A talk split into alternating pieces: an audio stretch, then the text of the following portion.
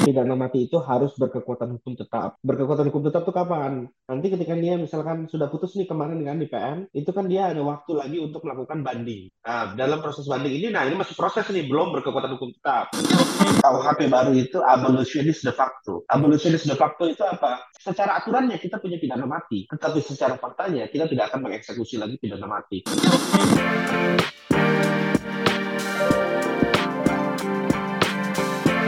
Hai sahabat TCID, kalian sedang mendengarkan podcast Suara Akademia. Ngobrol seru isu terkini bareng akademisi.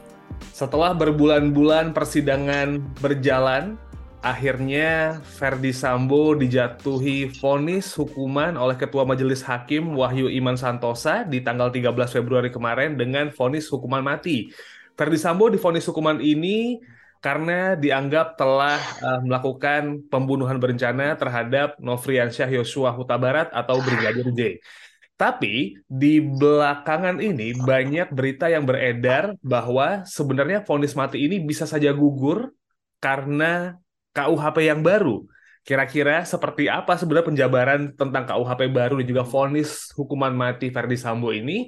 Kita bakal ngobrol bareng sama Mas M. Fatahillah Akbar, ini dari Universitas Gajah Mada Yogyakarta. Mas Akbar, apa kabar Mas? Baik Mas Muhammad. Oke, pertanyaan pertama nih mungkin Mas Akbar. Um, ya pertanyaan basic dulu kali ya. Ketika apa namanya um, majelis hakim gitu memutuskan bahwa hukuman untuk Ferdi Sambo adalah vonis hukuman mati nih Mas. Gimana menurut Mas Akbar sebagai orang yang mungkin ngulik soal hukum tata pidana nih Mas?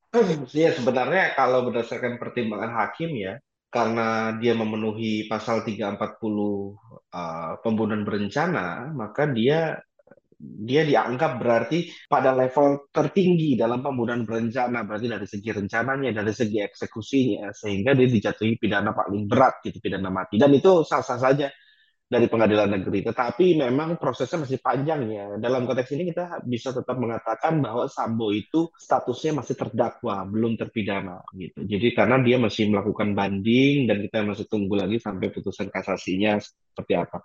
Tapi pada dasarnya sih secara parameter di hukum Indonesia kita belum ada parameter yang tegas kapan seseorang itu dijatuhi pidana mati dalam pembunuhan berencana gitu. Karena contoh kasus Pulau Mas, pencurian di Pulau Mas Jakarta aja yang itu tadinya lebih kuatnya pencurian gitu. Tapi dia kena pasal 340 dan dipidana mati juga. Gitu. Jadi dalam konteks ini memang level-level tersebut ya pasti sudah arahnya pidana mati. Tapi itu diserahkan kepada majelis hakim pertimbangannya seperti itu. Tapi berbicara soal proses yang panjang nih, uh, Mas Akbar gitu. Mungkin pertanyaannya adalah lebih ke segimana panjangnya sih tata cara pelaksanaan hukuman mati ketika uh, terdakwa dijatuhkan vonis hukuman mati nih, Mas?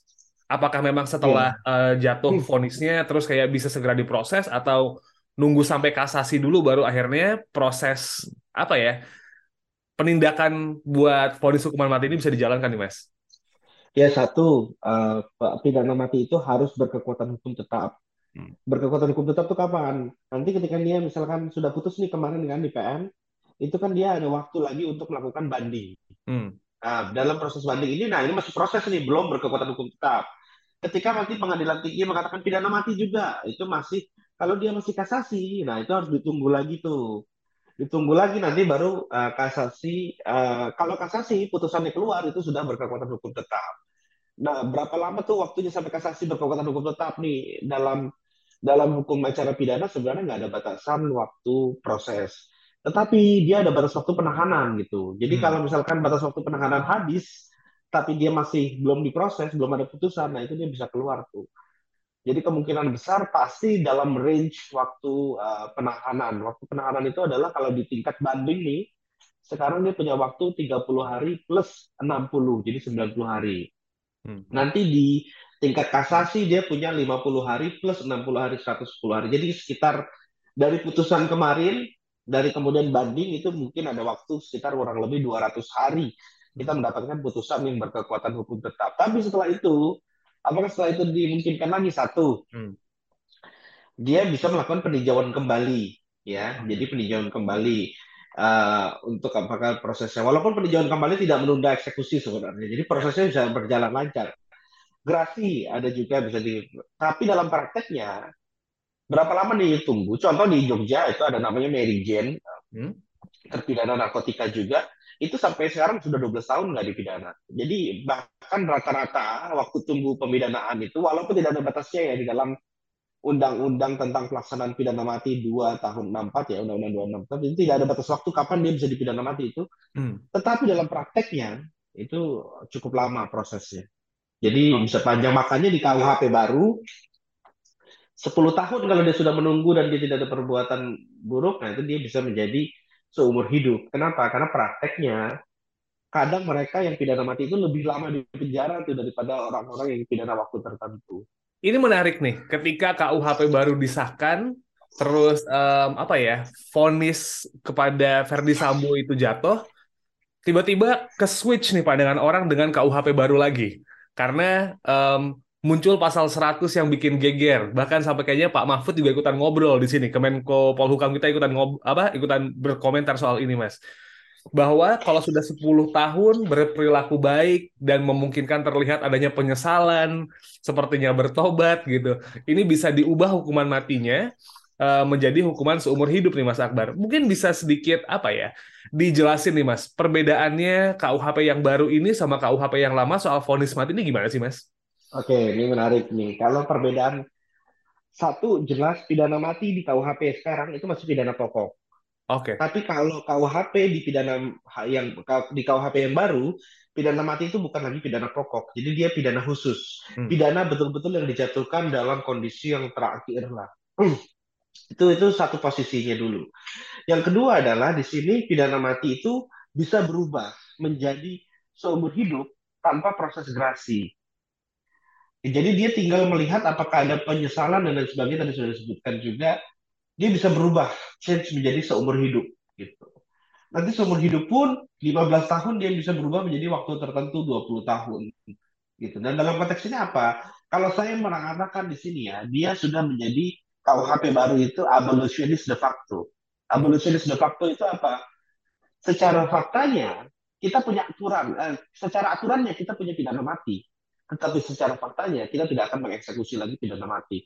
Arahnya begitu. Arah dari KUHP baru itu memang tidak lagi mau mengeksekusi. Walaupun saya bilang, tapi kan ini kalau misalkan ada orang yang dia pidana mati terus dia nggak ada penyesalan, dia melakukan kejahatan kejahatan-kejahatan lagi di lapas, ya itu tetap bisa dipidana mati gitu. Seperti kasus-kasus bandar narkoba yang dia tetap jual beli narkoba di penjara, nah itu dia tetap bisa dijatuhi pidana mati.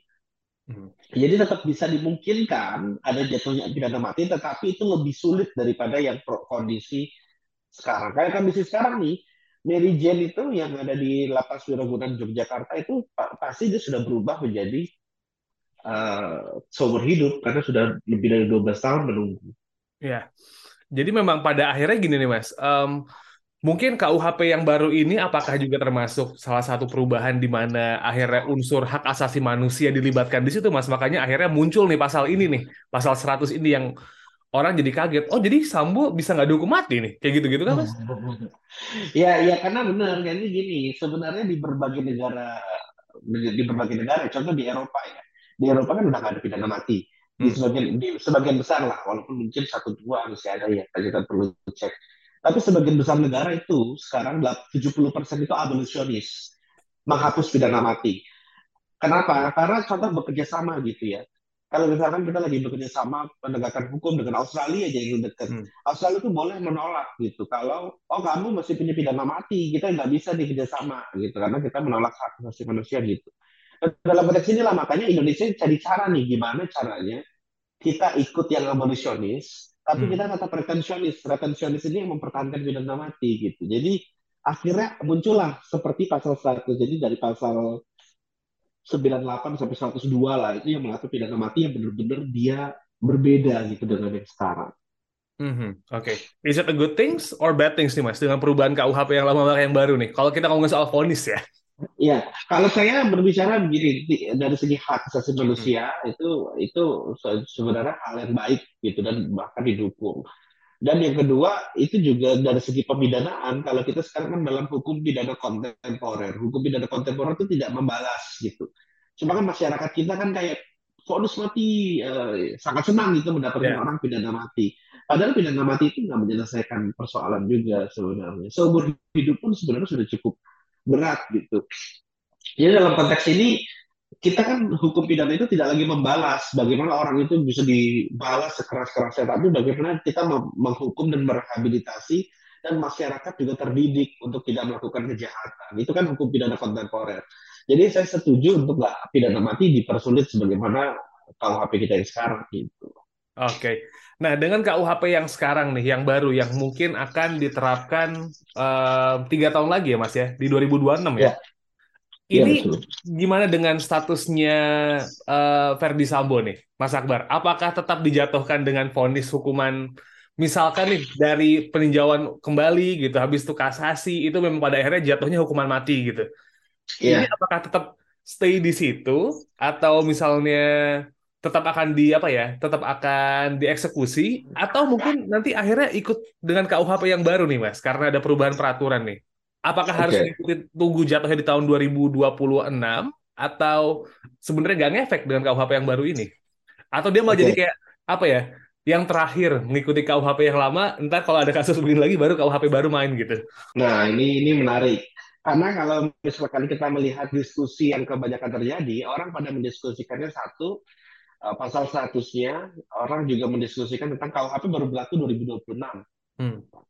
Tapi sebenarnya ada prinsip yang tidak miss atau miss didiskusikan yaitu tentang prinsip lex superior bahwa ter, jika terjadi perubahan peraturan itu harus digunakan yang paling meringankan. Nah, dalam konteks ini menjadi menarik ini karena KUHP kita yang sekarang di KUHP kita yang sekarang itu prinsip yang paling meringankan atau lex superior itu hanya berlaku ketika statusnya paling mentok adalah ter, terdakwa.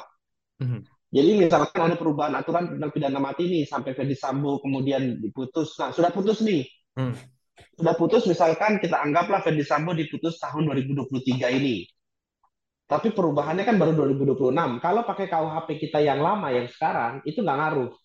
Okay. Karena sudah terpidana karena sudah terpidana itu nggak berpengaruh terhadap perubahan. Tetapi di KUHP kita yang baru pasal 3 KUHP baru itu yang akan berlaku 2026 itu berpengaruh sekalipun putusan semua sudah berkekuatan hukum tetap, kalau ada perubahan, dia harus mengikuti perubahan tersebut. Oke. Okay. Nah, ini yang menarik adalah gini, ketika dia diputus nih, putusannya kan tidak mencantumkan percobaan jelas, karena kan belum berlaku untuk KUHP baru. Hmm. Belum berlaku, berarti tidak bisa menerapkan pasal 100 ayat 2 KUHP. Jadi tidak ada percobaan dalam putusan Ferdi Sambo pasti. Nah, tetapi berarti kan pidana mati itu harus ada ada percobaannya. Nah, dalam konteks ini maka maka harus disesuaikan dalam putusan dalam pelaksanaannya jaksa dalam melaksanakannya harus sejalan dengan pasal 100 KUHP. Karena apa? Karena sekalipun sudah berkekuatan hukum tetap, eh, perubahan aturan itu berpengaruh terhadap terhadap terpidana gitu. Jadi dalam konteks ini kemungkinannya bisa terpengaruh. Cuma memang ini mesti menjadi diskursus ya, menjadi hmm. diskursus karena kita baru nih punya Lex Favorio itu baru tahun ini. Nah, itu juga termasuk perubahan yang signifikan yang kemudian uh, kita nggak tahu nanti pelaksanaannya seperti apa. Karena setelah 100 tahun kita punya pasal kalau ada perubahan dia bisa berpengaruh. Wah, ini ini baru gitu. Karena contoh kasus pidana ini kalau tambahan sebagai kasusnya terorisme hmm. uh, bom Bali, kasus bom Bali satu Bali satu itu kan dia diputus atas hukum yang berlaku surut ya. Yeah. Tapi kemudian hukum yang berlaku surut itu dicabut oleh MK. Okay. Padahal mereka dipidana mati nih. Mereka dipidana mati dengan hukum yang berlaku surut. Hukum yang berlaku surut tadi dicabut oleh MK. Tapi apa? Mereka tetap dipidana mati. Kenapa mereka tetap dipidana mati? Karena MK memutus itu setelah uh, eh, MK memutus itu setelah uh, perkekuatan hukum tetap. Jadi mm -hmm. uh, Mahkamah Agung dan Kejaksaan mengatakan, oh kita tidak terpengaruh putusan MK karena sudah berkekuatan hukum tetap dulu. Nah, itu karena kita punya KUHP yang lama. Tapi kalau pakai KUHP kita yang baru dalam situasi bom Bali, itu bisa bebas itu orang-orang itu. Oh, oke. Okay. Nah, jadi jadi cukup sesignifikan itu perubahan KUHP kita memang condong kepada perlindungan ter terdakwa terpidana gitu. I see. Jadi kalau sidangnya diolor-olor sampai 2026 gitu, Mas Anwar bisa jadi ngasih kesempatan buat tidak dieksekusi mati dong. Sebenarnya nggak usah diolor-olor. Mereka nggak mulurin aja kasus Ferdi Sambo, uh, tetap bisa kena. Gitu tanpa oh, okay. jadi karena berkekuatan hukum tetap pun jadi sudah final sudah nggak ada sidang lagi tetap harus menyesuaikan putusan itu gitu oh, okay. jadi dan bisa jadi strateginya oke okay, mereka nggak mulur-mulur nih tapi mereka nanti setelah 2026 Januari mereka PK oh, nah okay. itu karena PK kan nggak ada batas waktunya hmm. dan dan bahkan di KUHP baru itu tidak boleh dieksekusi sampai gerasi itu dijawab oleh presiden Oh, oke. Okay. Nah, itu yang menarik juga itu baru juga itu di dalam KUHP baru. Karena kan kadang-kadang gerasi ada yang jawabnya lama, ada yang cepat hmm. dan lain sebagainya. Nah, itu itu juga bisa jadi nanti dia mengajukan gerasi, presiden nunggu KUHP baru kan gitu juga. Nah, oh. menarik juga itu. Ini artinya jadi ketika nanti misalnya di 2026 kan otomatis presidennya kan sudah baru ya, hasil pemilu 2024 ya. Oh iya betul, kan? betul. Ini bisa jadi kayak oh oke okay. bisa jadi ada kayak apa ya catatan kecil gitu mengenai kasus Ferdi Sambo ini karena kalau misalnya presiden bisa menyegerakan jawaban gerasi gitu mungkin bisa menyenangkan netizen karena kan terkesan kayaknya desakan rakyat nih mas untuk vonis ini jatuh gitu kurang lebih kayak gitu ya mas ya Iya iya iya iya ya, betul sih tapi memang memang ke arah ke depannya ini yang sulit sih. Kalau saya juga sebenarnya saya, menurut saya saya nggak setuju sama sekali dengan perbuatan Ferdi Sambo. Saya tapi kalau kita melihat secara objektifnya terkait pidana mati nah itu yang saya juga kayaknya perlu edukasi kepada masyarakat bahwa kita nggak bisa sepenuhnya mendukung full bahwa pidana mati itu uh, harus gitu jadi kita mengajarkan bahwa bagaimana kita tidak retributif atau membalas. Nah itu yang sebenarnya pendidikan kepada masyarakat itu. Kan arahnya Menko Polhukam juga mengarahkan begitu gitu. Oke lah Sambo ini kita benar-benar kesel, tapi kan apakah pidana mati itu uh, solusi juga kan itu yang menjadi pertanyaan. Oke, okay.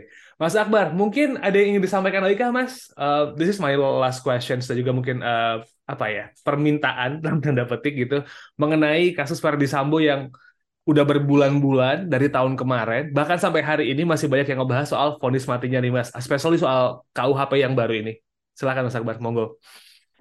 Ya, jadi kita kayaknya fokusnya kebanyakan kepada pembunuhannya, tetapi padahal kalau kita belajar dari kasus Fede Sambo itu lebih kepada uh, sistem yang sudah rusak di dalam tubuh kepolisian gitu. Nah, ini yang kemudian menurut saya harus jadi pelajaran bagaimana udah kayak gini kok di daerah-daerah masih ada yang uh, bandar yang merasa dilindungi oleh polisi, kemudian ada polisi juga Teddy Minahasa Jenderal Bintang 2 juga terlibat dalam penggantian tadi.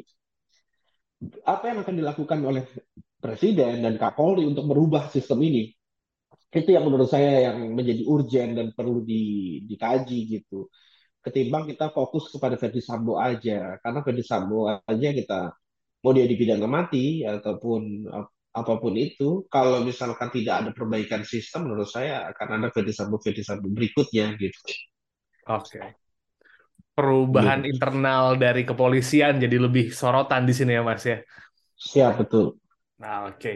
Kalau begitu, Mas M. Fatahillah Akbar dari Fakultas Hukum UGM, terima kasih Mas buat ngobrol-ngobrolnya ya Mas ya. Terima kasih Mas.